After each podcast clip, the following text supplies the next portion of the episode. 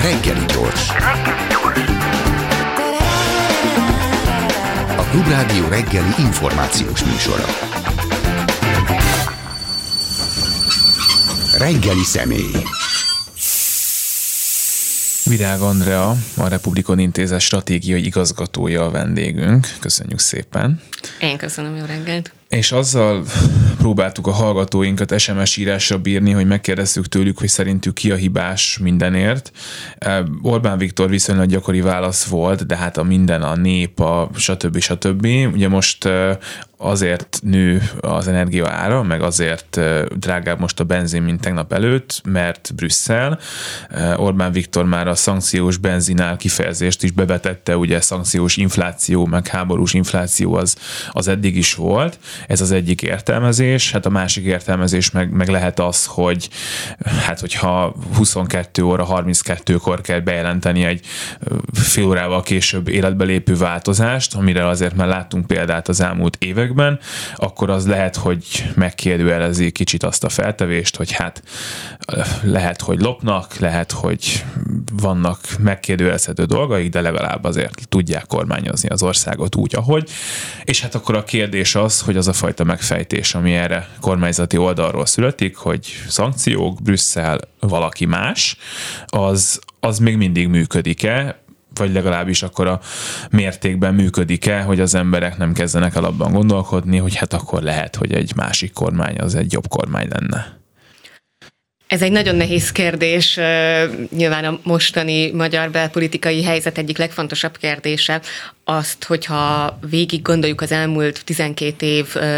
Fideszes kormányzását, akkor ezt látni kell, hogy az, a, az az Orbáni politika egyik alapvetése, meg alapköve volt igazából, hogy mindig kellett valamilyen ellenség, és akkor itt tényleg visszagondolhatunk akár az IMF-re, Soros Györgyre, a menekültekre, ugye az EU brüsszelezés az végighúzódott az elmúlt tíz éven, és ebben a helyzetben ugye nem arról van szó, hogy a semmiből kreálni kellett egy ellenséget, és kitalálni tulajdonképpen egy helyzetet, amiben a kormány, a magyar nép, a magyar családok megmentőjeként szerepelhet, hanem van egy konkrét probléma, a gazdasági problémák, legyen szó az energiaárakról, az inflációról, a forintárfolyamról, meg még sok más kérdésről, és azt hiszem a kormány felmérte azt, hogy nem az a kérdés, hogy a társadalom érzékelni fogja ezeket a gazdasági problémákat, tehát az nem, az nem fog menni, hogy folytatják a sikerkommunikációt, és azt súlykolják, hogy minden a legnagyobb rendben van az országban, mint mondjuk az elmúlt 10-12 évben ezt tették, hanem az a kérdés, hogy kit fognak ezekért a problémákért hibáztatni, és, és az elmúlt évek alapján, ahol mindig volt egy ilyen nagyon erős brüsszelezés,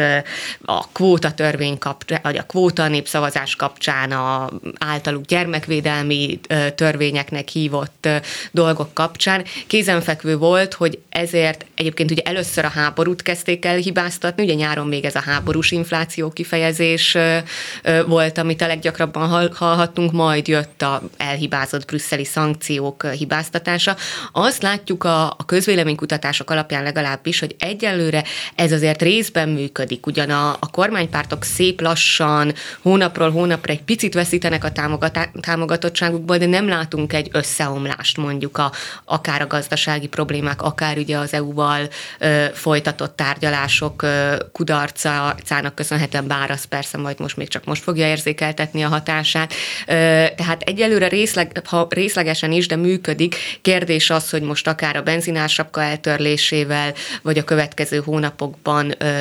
tud-e továbbra is működni ez a taktika. Igen, ehhez kapcsolódva, mert ugye a Covid-válság volt az első olyan válság, amikor mondták, hogy most már nem fiktív démonokkal hadakozunk, hanem előállt egy valóságos helyzet, és ugye ennek a folytatása mostani, ahol még egy tényleges érezhető gazdasági válság is van, és ahogy az előbb is mondta, azért ez még működik.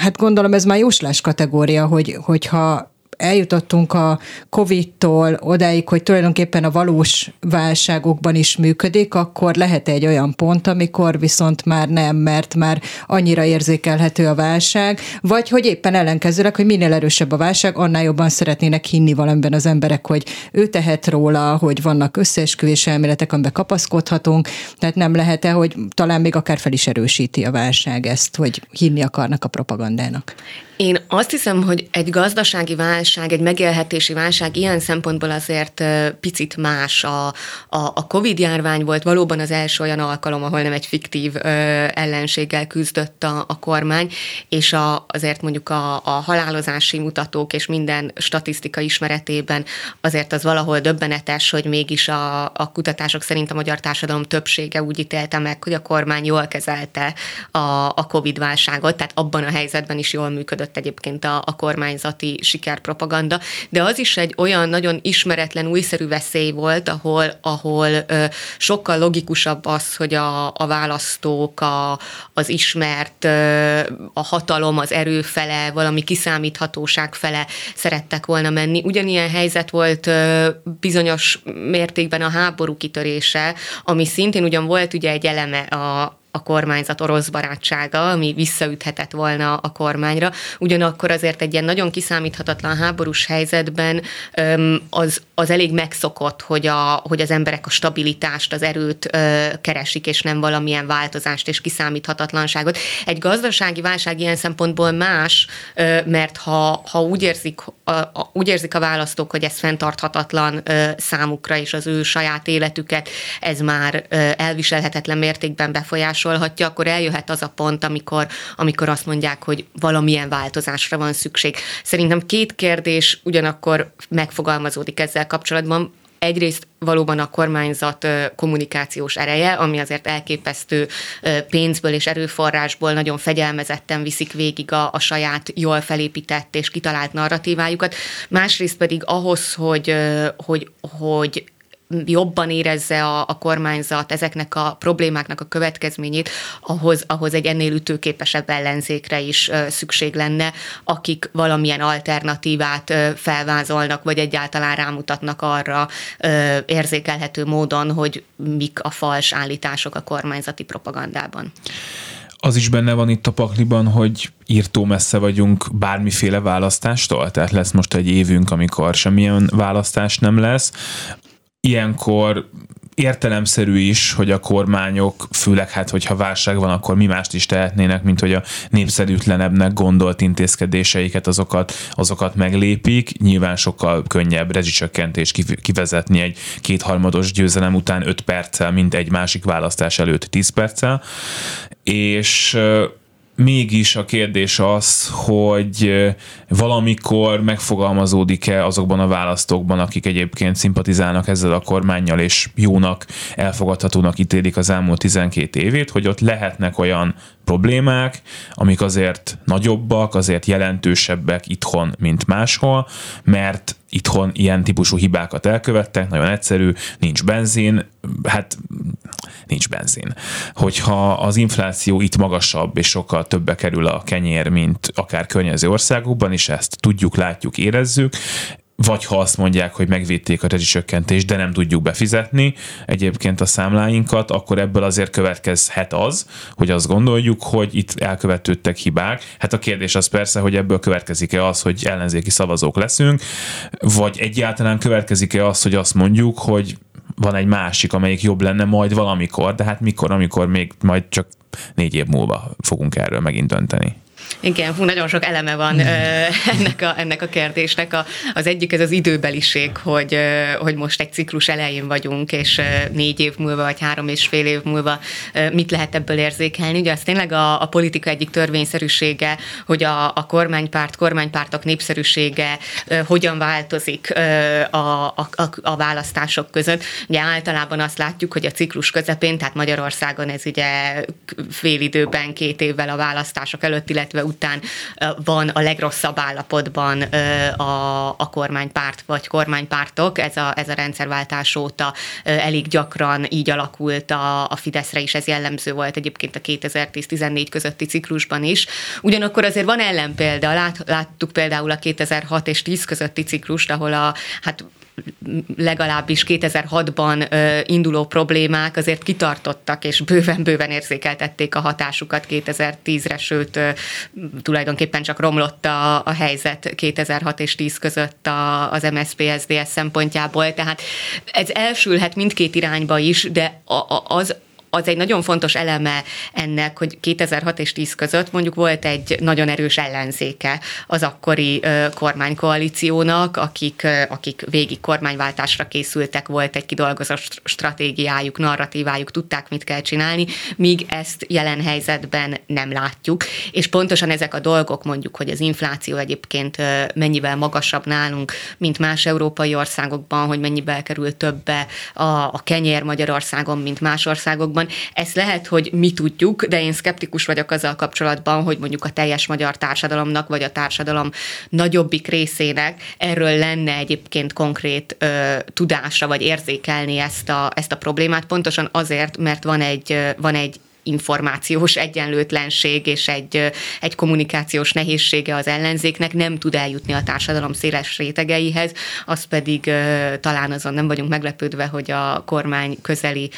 médiatermékek nem súlykolják azt a, azt a, azt a tényt, hogy, hogy Magyarországon rekordmagas az infláció.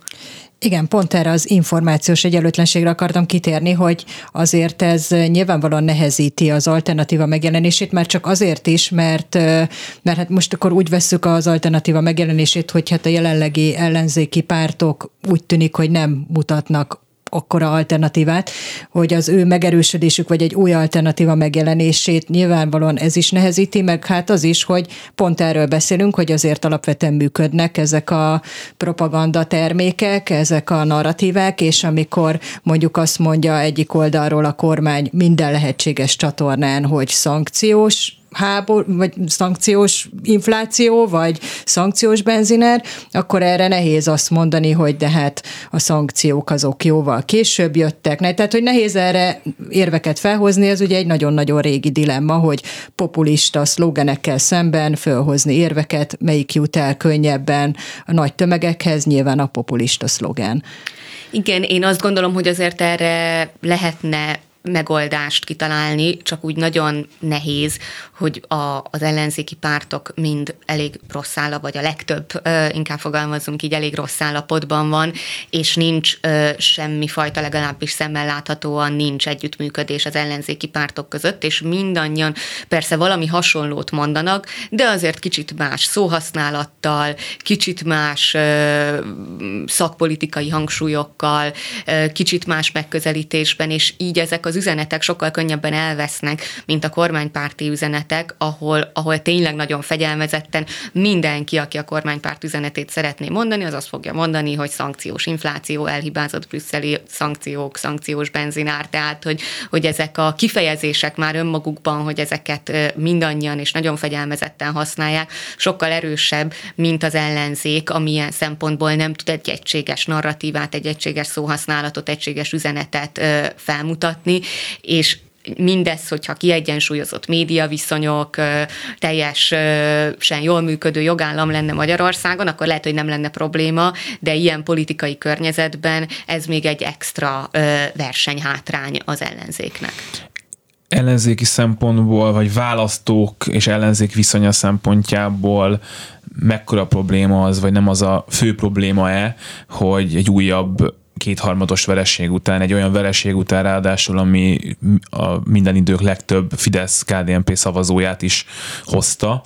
áprilisban, hogy azután egészen egyszerűen a választóknak az a része is lemond erről az ellenzékről, amelyik egyébként választásokon támogatására korábban nyitott volt,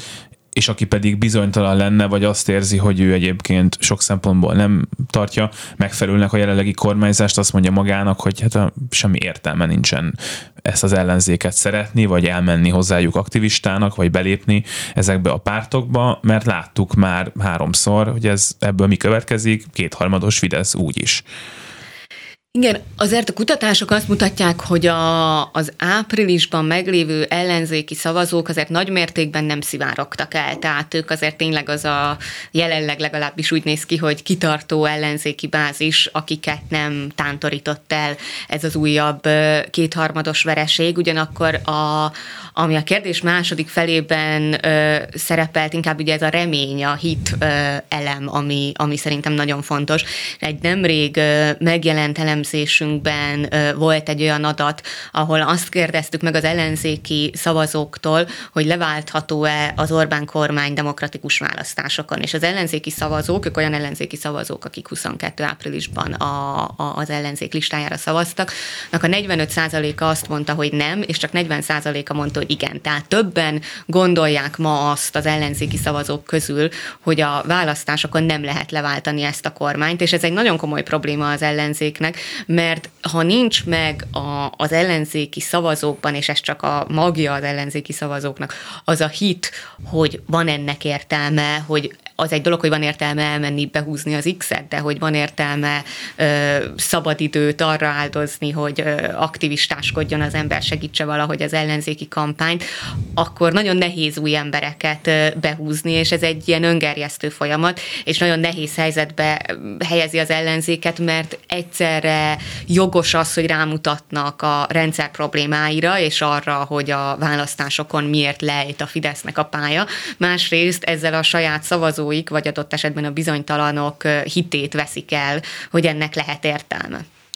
És hol van ez a 40 százaléknyi ember, akik nem hisznek abban, hogy választásban le lehet váltani a Fideszt, amikor például a tanárok mellé kell állni, vagy amikor tényleg olyan fajta polgári akciókkal kell kiállni. Ők ilyenkor félnek, vagy, vagy egyszerűen elengedték már, hogy jó, ez van, ebben élünk. Mert azért, hogyha megnézzük a tanár tiltakozásokat, van egy biztatóan növekvő szám, de azért az ezer tanár a 130 ezerből, és mondjuk az a szülő mennyiség, vagy akár más szervezetekből hozzájuk csatlakozó mennyiség, az még azért nem az a kritikus tömeg, amire azt lehet mondani, hogy ez most már eljut a kormányig is, meg az inger küszöbüket egyáltalán így megkapargatja. Én azt hiszem, hogy olyan szempontból megkapargatta, hogy miközben pár évvel ezelőtt, amikor voltak ugyanígy diák tüntetések, vagy tanári akciók, a tanítanék mozgalomra elég gondolni, de más, más ilyen típusú demonstrációk is voltak, akkor azért a kormányzat konkrétan nem foglalkozott ezekkel a kérdésekkel, úgy tett, mintha ez az egész nagyjából nem lenne. Most azért nem ezt látjuk, hanem a kormányzat felmérte azt, hogy most már ez előlépett egy annyira fontos ügyé, hogy ugye ki kellett találni ezt a, ugye ez is Brüsszelen múlik típusú kommunikációt, hogy azért nem tudnak fizetést emelni a tanároknak vagy pedagógusoknak, mert Brüsszel, és majd, hogyha meg lesz a megállapodás, akkor majd jön a, a, a, a nagyon nagymértékű béremelés, tehát tehát ilyen szempontból szerintem azért azt látni kell, hogy a kormányzat mindig-mindig a saját narratíváját ö, mondja és, és, és súlykolja. Nagyon-nagyon ritkán látjuk azt, hogy valami másra reagál, főleg, hogy mondjuk egy magyar ellenzéki vagy egy magyar kormánykritikus mozgalom követeléseire, kritikáira reagál. Ilyen szempontból szerintem ez, amit most látunk a, a pedagógusoktól, a diákoktól, a szülőktől, másoktól, ez egy picit sikeresebb annál, mint amit ö, sokszor korábban láttunk. Az tény és való, hogy egy olyan kritikus tömeget, amivel ne tudna mit kezdeni a kormányzat, ez, ez nem ért el, és hogy továbbra sem látjuk azt, hogy a teljes társadalom felbojdult volna ettől a kérdéstől. Ugyanakkor azt is el kell mondani, hogy ezek a, ezek a tüntetések, az egy dolog, hogy ugye tavasszal is láttunk sok megmozdulást, de most azért augusztus vége óta ezek folyamatosan tartanak, nem látszik, hogy, hogy nagyon kifulladna ez a, ez a lelkesedés. Nyilván itt is nincs jós gömbünk, hogy lássuk, hogy, hogy mondjuk akár jövőre hova tud fejlődni ez a, ez a demonstráció sorozat, de minden esetre azért én azt gondolom, hogy ez most egy sokkal sikeresebb és jelentősebb megmozdulás, mint amiket korábban láttunk. Én biztosan nem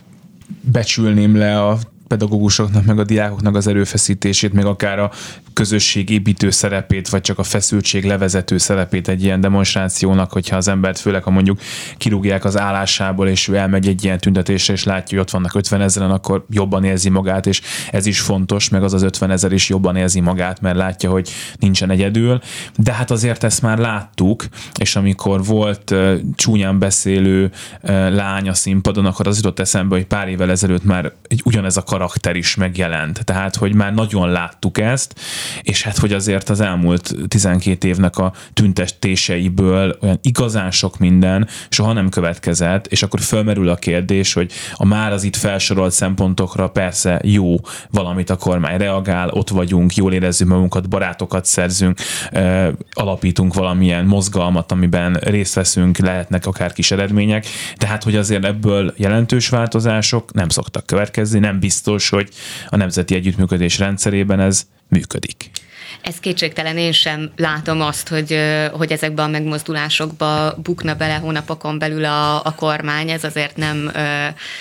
nem fogadnék erre nagyobb összegekben. Ugyanakkor hosszú távon azért, azért lehet jelentősége, meg egyébként rövid, középtávon is olyan szempontból, hogy van ugye a ez, ez a fajta elégedetlenség, ami kifejezetten az oktatás ugye köré épül, és van ugye egy másik típusú elégedetlenség, ami kevésbé artikulálódott egyenlőre szerintem, ugye, ami a, pont a megélhetési válsággal kapcsolatos, amiről, amiről beszéltünk. Szóval nagyon sok csoport van, legyen szó egyébként a, a volt, most már múlt időben kell mondani, katásokról, legyen szó most mondjuk a ugye benzinár kapcsán, ugye most már rögtön a taxis szakszervezet elkezdett tárgyalni a kormány kormányjal, és nagyon sok minden, tehát hogy, hogy sok sértett érdekcsoport van azért az országban, ezek nem szoktak nagyon egymásra találni, az a tapasztalatunk az elmúlt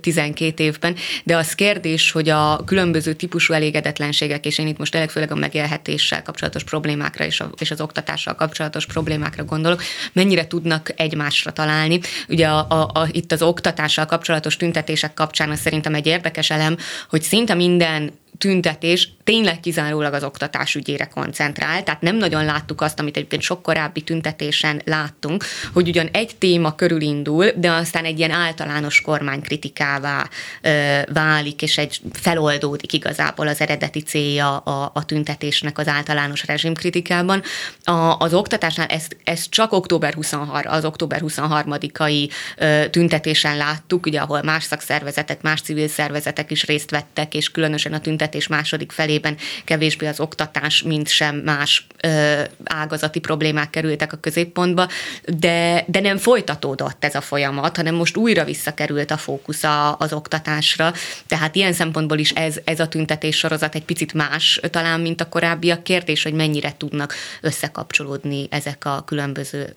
kormánykritikus csoportok. Akkor most egy kicsit optimistább leszek, mint az előbb, mert hogy van ugye a másik része a tiltakozás hullámnak, a, a diákoknak a mozgalma, ami azért is nagyon érdekes, mert hát hiszen ők pont az ellen dolgoznak, amire 12 év alatt trenírozták úgymond őket, hiszen 12 év alatt kiépült egy nyugodtan mondhatjuk már-már parancsuralmi, hierarchikus, frontális oktatásra építő rendszer, amiben nincs ez belekalkulálva, hogy nekem önálló kritikai észrevételem van, hogy én nekem így szabad gondolkodási lehetőségem van, hogy nem indulhat-e el ebből a korosztályból esetleg egy olyan egy sokkal frissebb, sokkal újabb mozgalom, ami akár így tovább gyűrűzhet, és megmutathatja, hogy hát tulajdonképpen lehet teljesen szabadon is annak ellenére, amit a rendszer ránk erőltet megmozdulni. De pontosan ennek egy ilyen hatása is van, illetve ez egy fontos, ugye ne felejtsük el, hogy, hogy ők hamarosan ö, szavazókorba lépnek, vagy nyilván már van közöttük olyan, akik ö,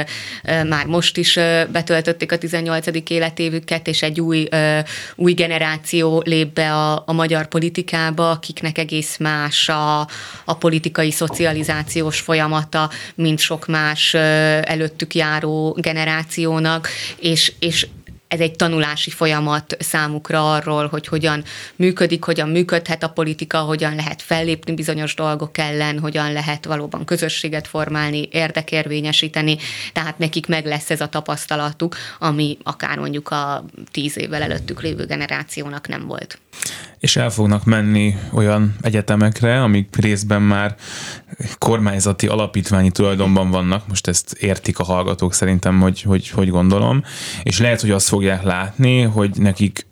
jobban megéri, hogyha elmennek valami állami kormány közeli valamibe dolgozni, elmennek egy olyan ösztöndíjat megkapnak, ami, ami szintén valami állami, valami, elmennek az MCC-be tanulni, de meg tanárok vannak, jóval több pénz, meg ösztöndíj, mint, mint máshol, és aztán amikor majd jön a választás, akkor azt fogják mondani, hogy hát úgy se lesz semmi, hiszen ugyanazok vannak, négy évese volt, most sincs, hát akkor lehet, hogy jobb nekem, hogyha ha kitalálom azt ebben a rendszerben, hogy én hogyan élek jól, meg maradok itt, ha itt maradok, ugye. Igen, van egy ilyen eleme is ennek, nem véletlenül látjuk ezt a kormányzati terjeszkedést a, az egyetemeken, tényleg nagyon szemmel látható az elmúlt pár évben, hogy, a, hogy ez az egész rendszer mennyire kiterjed, és ez is egy olyan csápja igazából ennek a, ennek a Orbáni rendszernek, ami, ami a rendszer fenntartására jött létre, beleölnek elképesztő mennyiségű pénzt, olyan lehetőségeket kínálnak fiataloknak, amit érthető, hogy, hogy nem szeretnének visszautasítani ilyen lehetőségeket. Az, az, az, az más kérdés, hogy, hogy, ez a, hogy ez mennyiben befolyásolja, milyen, milyen tömegben és mennyire a, a szavazási hajlandóságukat és preferenciájukat ezeknek a fiataloknak. Ezt, ezt erre nyilván nincsenek nagyon kutatások, és nehéz ezt, nehéz ezt felmérni, de itt megint visszatérünk arra, hogy van-e alternatívája ennek a, ennek a rendszernek, hogy mennyire tud ugye, akár a jelenlegi ellenzéki szereplők, akár valamilyen új szereplőről legyen szó, elhitetni azt akár ezekkel a fiatalokkal, és persze akár az idősebb szavazókkal azt, hogy, hogy lehet ezt másképp csinálni, és le lehet győzni ezt a, ezt a rendszert választásokon. Akkor még kicsit visszakanyarodok a szakszervezetekhez. Ugye arról volt szó, hogy október 23-án együtt léptek fel a oktatási téma mentén, majd ez ugye elhalt, és visszatértünk oda, hogy a tanárok, diákok és hát szülők együtt az oktatás témában lépnek fel, hogy ez tulajdonképpen miért halt el? Tehát, hogy így elindult valami, ami korábban egyébként nem annyira volt jellemző Magyarországra, hogy szakszervezetek összefognak különböző területekről, és egy ügy mellé odaállnak, és hát tulajdonképpen ez egy olyan, ráadásul az oktatás területén, ami hát azért mindannyiunkat érint, hogy hát hogy miért halt el tulajdonképpen, amikor ez egy olyan ügy, ami mellé továbbra is oda lehetne állni akármilyen szakszervezet részéről. Én azt gondolom, hogy ne, itt különböző értekek vannak azért a, a, azt azért nehéz látni, hogy sok szakszervezet hosszú távon, aktívan szerepvállal ebben a tüntetés sorozatban, úgy, hogy a saját ügyeiket nem hozzák be ebbe. Tehát én azt gondolom, hogy hogy nem tud száz százalékig oktatás fókuszú maradni ez a mozgalom, hogyha sok máshonnan érkező szereplő csatlakozik ehhez, mert törvényszerűen nekik más problémáik vannak, és ők más problémákat fognak ebbe a, ebbe a történetbe behozni. És én azt gondolom, hogy a, a, azok a szervezetek, akik most ezeket a tanár, diák, szülő tüntetéseket, akciókat szervezik, nekik az a céljuk, hogy az oktatás maradjon a fókuszba, van is egy ilyen egy ügyű, tehát ez ilyen single issue történet maradjon fent, és e, ilyen szempontból nem feltétlenül előremutató, hogyha nagyon sok más típusú szervezet csatlakozik. Tehát ennek azért megvannak az előnye is, meg a hátrányai is. Ha már az alternatívát, vagy az alternatíva hiányát emlegettük egy nagyon picit az ellenzékről, mert hogy engem őszintén nagyon érdekel a, a hogyan tovább egy olyan választás után, ahol hát végül is a csodafegyverek kilettek próbálva, az összefogás, meg a előválasztás, és aztán lett, ami lett, és most azért nagyon úgy tűnik, hogy ezek a pártok most abban gondolkodnak, hogy akkor ők majd pártot csinálnak, meg jön az EP választás, ott el lehet indulni. Külön, meg a kis saját ötleteik ellenzékkel jönnek, és hát a kérdés az egyrészt, hogy ebből akkor az következik, hogy majd ez egy-két pártnak működik, a többitől pedig elbúcsúzunk szomorúan, vagy mi következik, vagy következhet-e az, hogy, hogy megint majd velük valahogy együtt az ellenzék megpróbálja, és akkor a választóknak az a része, amelyik ellenzékre szeretne szavazni, majd megint azt mondja, hogy jó, hát akkor ők vannak, akkor őket választjuk, de hát lehet, hogy most már nem akarja majd mondani, vagy ők se akarják, mert hát szóval, hogy öt-ötszörre is el lehet bukni végül is ugyanebben a formációban kb, de minek?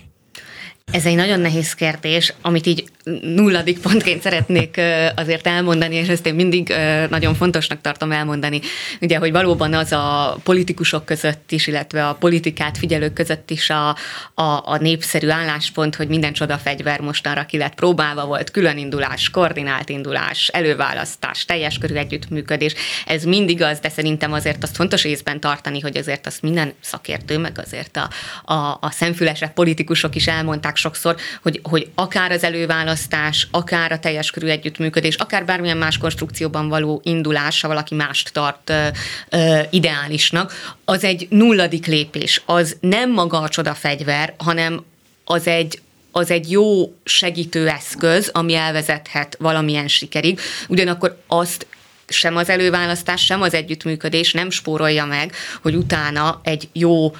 jól felépített, fegyelmezett kampányt vigyen végig az ellenzék, és ez az, amit nem láttunk. Tehát ilyen szempontból a csodafegyver szerintem még nem lett kipróbálva, a csodafegyver az lenne, hogyha, hogyha látnánk egy, egy a korábbiaknál sokkal jobban felépített kampányt. A, a jövőt illetően valóban most az a jelenlegi tudásunk szerint legalábbis az körvonalazódik, hogy a, az egy napon tartott két választás, hogy az önkormányzat, illetve az LP választásokon máshogy fog elindulni az ellenzék, mert az LP választáson mindenki saját magát szeretné megmutatni, és egy ilyen erő demonstrációként használni. Az önkormányzati választásokon ugyanakkor még mindig tisztában vannak azzal, hogy akkor tudnak nyerni kulcs kulcsfontosságú helyeken, hogyha, hogyha közösen indulnak, vagy legalábbis a, a pártok nagy része azért e, e, ez irányú vágyait fejezte ki, az már jobb és nehezebb kérdés, hogy hogyan választódnak ki ezek a közös jelöltek, ha, ha lesznek. Tehát itt szerintem iszonyatosan sok nyitott kérdés van, amire nem hiszem, hogy egyébként akár párton belül megvannak, vagy minden párton belül megvannak az elkészült válaszok, nem, hogy ebben egyébként a sok-sok ellenzéki párt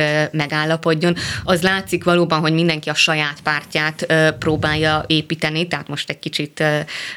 szünetelnek az együttműködésben és a, és a közös gondolkodásban, és a, ugye ez a népszerű hasonlat, hogy van az ellenzéki torta, és ezt a tortát kellene bővíteni. Most azt hiszem, hogy egyik párt sem erre hajt, hanem arra, hogy a létező ellenzéki tortából minél nagyobb szeletet tudjon saját magának kihasítani, és így akár az EP választáson jobban szerepelni, akár ugye a önkormányzati választásokat megelőző tárgyalások, előválasztásokban ugye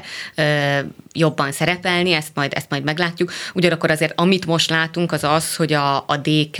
ami eddig is az ellenzék legerősebb pártja volt, tovább tudja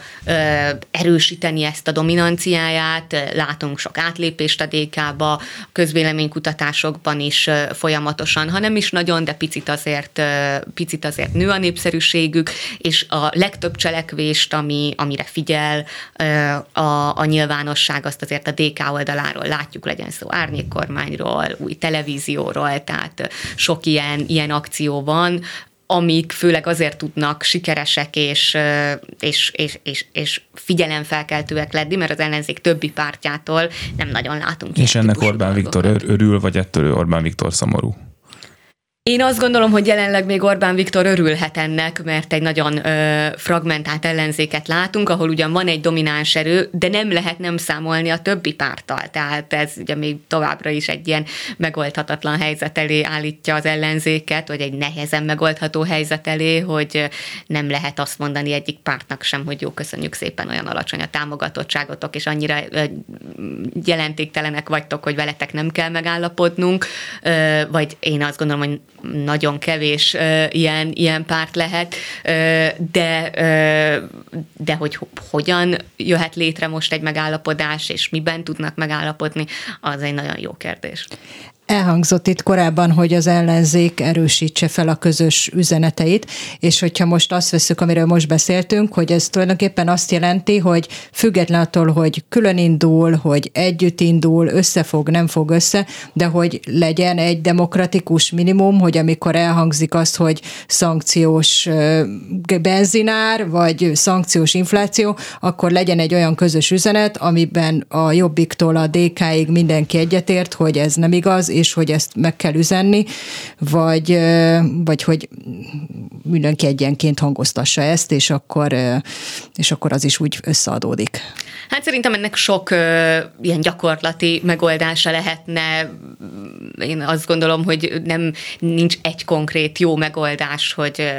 akkor most vagy egy vezetőkkel, vagy mindenkinek ugyanazt kell mondania, ezt az ellenzék szerintem azért kitalálhatná, hogy, hogy ennek mi, a, mi lehet a, a megvalósítási formája. Ugyanakkor ez azért nem tud szerintem ebben a helyzetben működni, pontosan azért, amiről kettő perccel ezelőtt beszéltünk, hogy most mindenki a saját pártját próbálja, próbálja építeni, éppen ezért az egyes pártvezetőknek egyébként érdeke az, hogy valami mást mondjon, mint a másik, hogy azzal felhívja magára a figyelmet, adott esetben úgy gondolja, hogy ezzel egy nagyobb célcsoportot tud megszólítani, tehát semmiképpen nem fogjuk azt látni, hogy az A párt vezetője azt látja, hogy a B párt vezetője mondott valami nagyon jót, akkor én abban odaállok mögé és támogatom. Jó lenne egy kicsit az Európai Unióról, meg az Európai Unióval kapcsolatos viszonyokról beszélgetni. Az egy nagyon régi ellenzéki és nem működő ellenzéki állítás egyébként, hogy Orbán Viktor kivezeti az Unióból Magyarországot. Ha Orbán Viktor nyeri a következő választást, akkor nem leszünk az Unió tagjai, hiszen eddig is Orbán Viktor nyerte, és az Unió tagjai voltunk, jött a pénz. Most nem jön a pénz, és ebből két dolog is következhet. Az egyik az, hogy a magyar kormánynak a mozgástere az nagyon-nagyon fog sokat csökkenni, és Orbán Viktor nem fog tudni annyira szabadság harcolni, mert alá kell írni a új törvényeket a pénzért. Másrészt pedig, hogy gondolhatják-e azt a választók, hogy elkezdtünk közeledni valóban egy olyan helyzethez, amikor a Unió-Magyarország viszony az eljuthat egy olyan pontra, amiből már tényleg következhet az, hogy Magyarország az unión kívül folytatja. Eddig is állított ilyet az ellenzék, valószínűleg a választók eddig nem hitték el, hogy ez egy potenciális veszély. Most vajon gondolhatják-e azt, hogy már igen? Ugye az ellenzék ezzel szeret riogatni, a Fidesznek is megvannak a, a, a saját riogatásaik az ellenzékkel kapcsolatban, az ellenzék pedig hosszú évek óta ezt használja, ugyanakkor azért azt látjuk, hogy azért nincs meg széles körben a magyar társadalomban az a rettegés, hogy, hogy Orbán Viktor kivezetné Magyarországot az Európai Unióból, és én nem gondolom, hogy most ez rendkívüli mértékben felerősödhetne egyrészt azért a, az unióval való kapcsolatok, és akár ezeknek a gazdasági ö, részei azért sokkal mélyebbek annál, mint sem ö, akár a helyreállítási alap, akár a felzárkóztatási pénzek, tehát ennél sokkal többről van szó, amik függetlenül attól, hogy most végül mi lesz a sorsa ezeknek a pénzeknek, megvannak, és, és, és én nem vagyok gazdasági szakértő, de, de egy nagyon valószínű gazdasági összeomláshoz vezetne ezeknek a kapcsolatoknak a felszámolása bevonása. Másrészt, másrészt azért az, a, a, azt fontos látni, hogy a kormány a, a múlt heti bizottsági javaslatot ugye egy teljes siker kommunikációban értelmezte, hogy tulajdonképpen minden a legnagyobb rendben van, a pénzek jelentős részéről már most is ö, megállapodott a kormány és az Európai Unió, és ez a kis maradék, pici pénz, ez csak egy ilyen kis administratív félreértés, ezt is rögtön, rögtön tisztázzák, és jövő év elején minden, minden megoldódik. Az jó kérdés, hogy ez tényleg így lesz-e, és, és végül egyébként hogy dönt a pénzügyminiszterek tanácsa, tehát azért ez egy nagyon bonyolult kérdés, de, de ebben a kérdésben is én szerintem kell még idő ahhoz, hogy lássuk, hogy a magyar társadalom valójában ezt a kormány kudarcaként vagy sikereként fogja érzékelni. Ez szerintem nem egyértelmű, mert miközben valóban az ellenzék, és egyébként én azt gondolom, hogy ez egy, hogy ez egy kudarc volt a kormány számára, ha, ha, ha el tudják hitetni azt a magyar társadalommal, hogy minden a legnagyobb rendben van, és a kormánynak mindvégig ez volt a célja igazából a nyár elejétől kezdve, akkor, akkor nem lesz ebből problémájuk. Én pontosan ezt akartam kérdezni, hogy hát látunk példát arra, igen, hogy egészen extrém esetekben is működhet a kormánypropaganda, hiszen erről is beszélünk, hogy szankciós benzinár, és simán tolják a képünkbe úgy, hogy két nappal előtte vezették be azt a szankciót, amiről, amiről egyébként nekünk mentességünk van, tehát igen. hogy nem is érint minket. Tehát, hogy ha ezt lefordítjuk erre, ami hát azért még annál is valósabb, bár nem tudom mennyire valósabb, hiszen benzin sincs, meg a gazdaság gazdaságot is megérezzük, tehát hogyha egy egyenlőségjelet lehet vonni a kettő között, és ezt is el tudják azt úgy adni, hogy,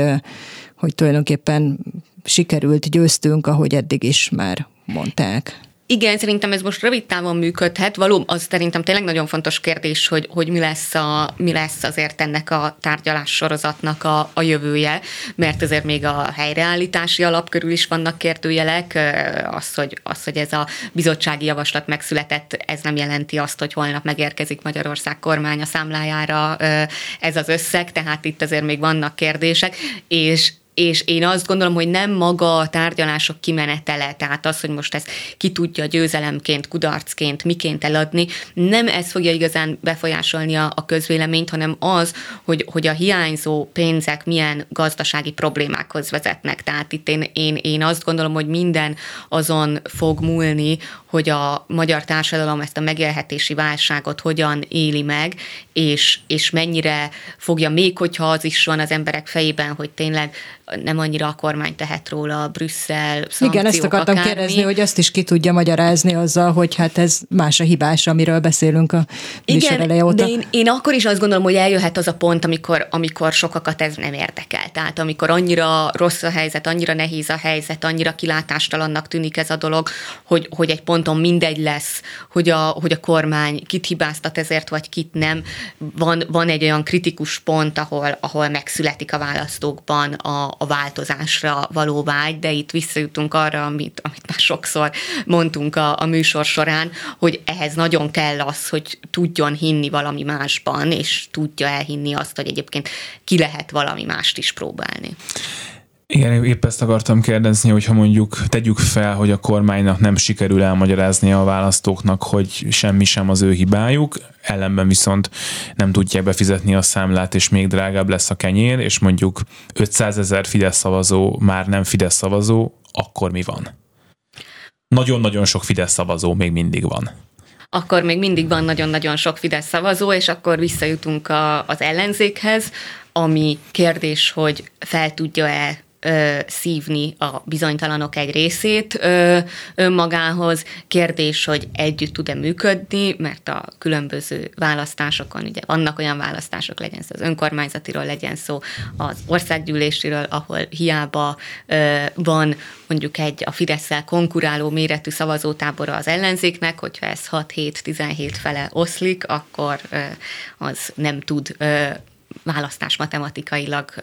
nagyon győzelmet jelenteni, tehát onnantól kezdve jönnek még olyan feladatok, amik jelenleg nincsenek megoldva, nincsenek végig gondolva, miközben még az sem történt meg igazán, hogy tömegével pártolnának el a Fidesztől a választók. Ez most ilyen mi lenne, ha típusú kérdés, meg kicsit jóslás kategória, de mondjuk megvannak ezek a tömegek, amelyek elpártolnának. A jelenlegi ellenzék a jelenlegi állapotában át tudná szívni őket, mert hogy akkor már annyira kiábrándultak, hogy akár ez is alternatívának látszani, vagy már annyira kiábrándultak, hogy ez az ellenzék a jelen formájában nem tudja.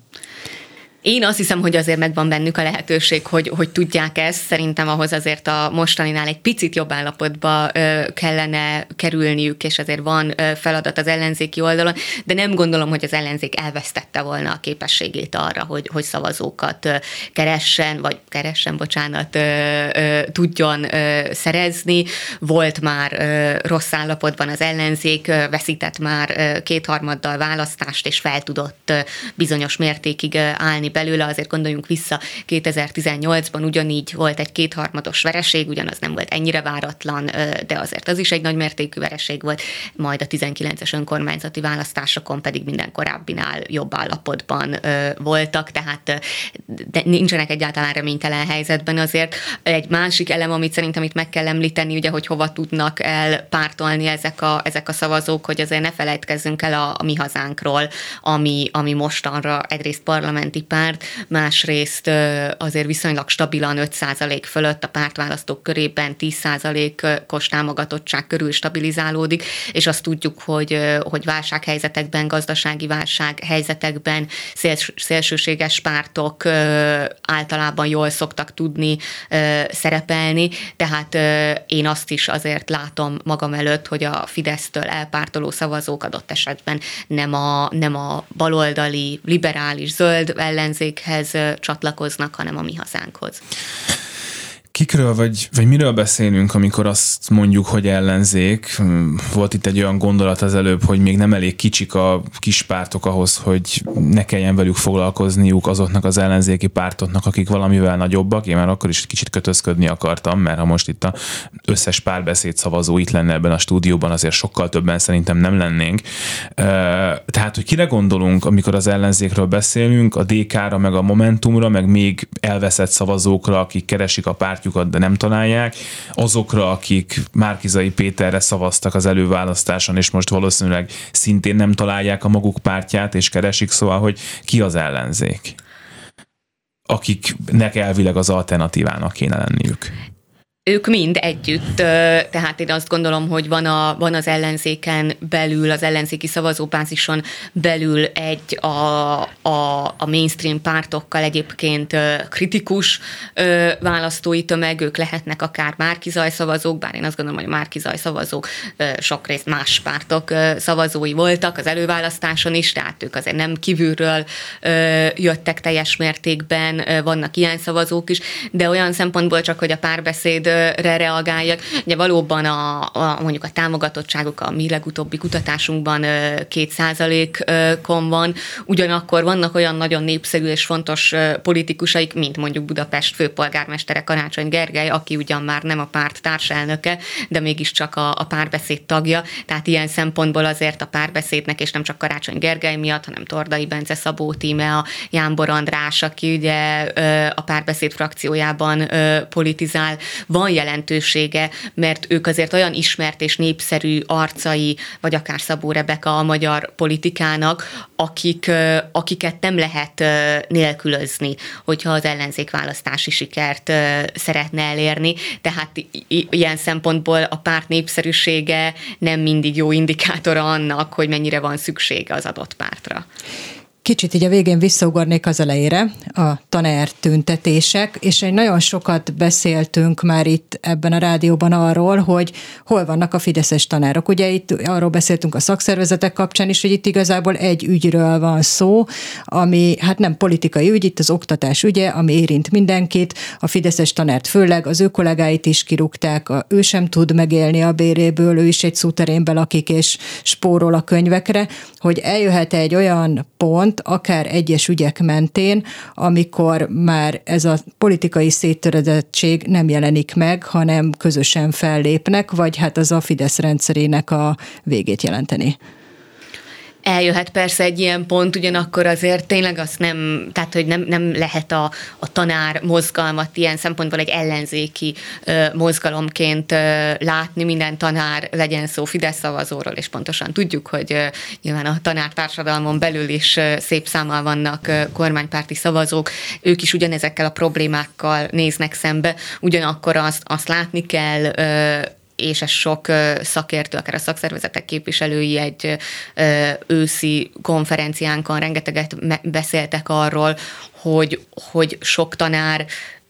egyszerűen fél részt venni ezekben a, ezekben a tiltakozásokban, és a kormánypárt nem véletlenül rúg ki egyik napról a másikra mondjuk nyolc pedagógust azért, hogy ezt a félelmet tovább gerjessze, és nagyon más lehetőségei vannak egy, egy Budapesten dolgozó, vagy egy nagyvárosban dolgozó tanárnak, mint mondjuk egy kisvárosban tanító pedagógusnak, akit, hogyha kirúgnak, akkor sokkal nehezebb új munkát találnia. Tehát itt nem, nem feltétlenül a, a, a párt hovatartozás az, ami, ami meghatározza azt, hogy ki mennyire ö, akar, tud, ö, vesz részt ezekben, a, ezekben az akciókban, hanem, hanem az a félelem ö, faktor, amit a Fidesz az elmúlt 12 évben kiépített, és most is aktívan dolgozik azon, hogy ez csak nőjön és nőjön. Mi itt az elmúlt négy órában egy percig sem féltünk a Fidesztől. Köszönjük szépen Virág Andrának, a Republikon Intézet stratégiai igazgatójának, hogy itt volt velünk, ezzel a műsor véget ért. A műsor elkészítésében részt vett Kemény Dániel, Simon Erika és Petes Vivien, elköszönnek a műsorvezetők. Herskovics Eszter. És Sálmeci János, jön Báder Tamás a hírekkel, maradjanak a Klubrádióval, minden jót. Reggeli gyors. A Klubrádió reggeli információs műsora.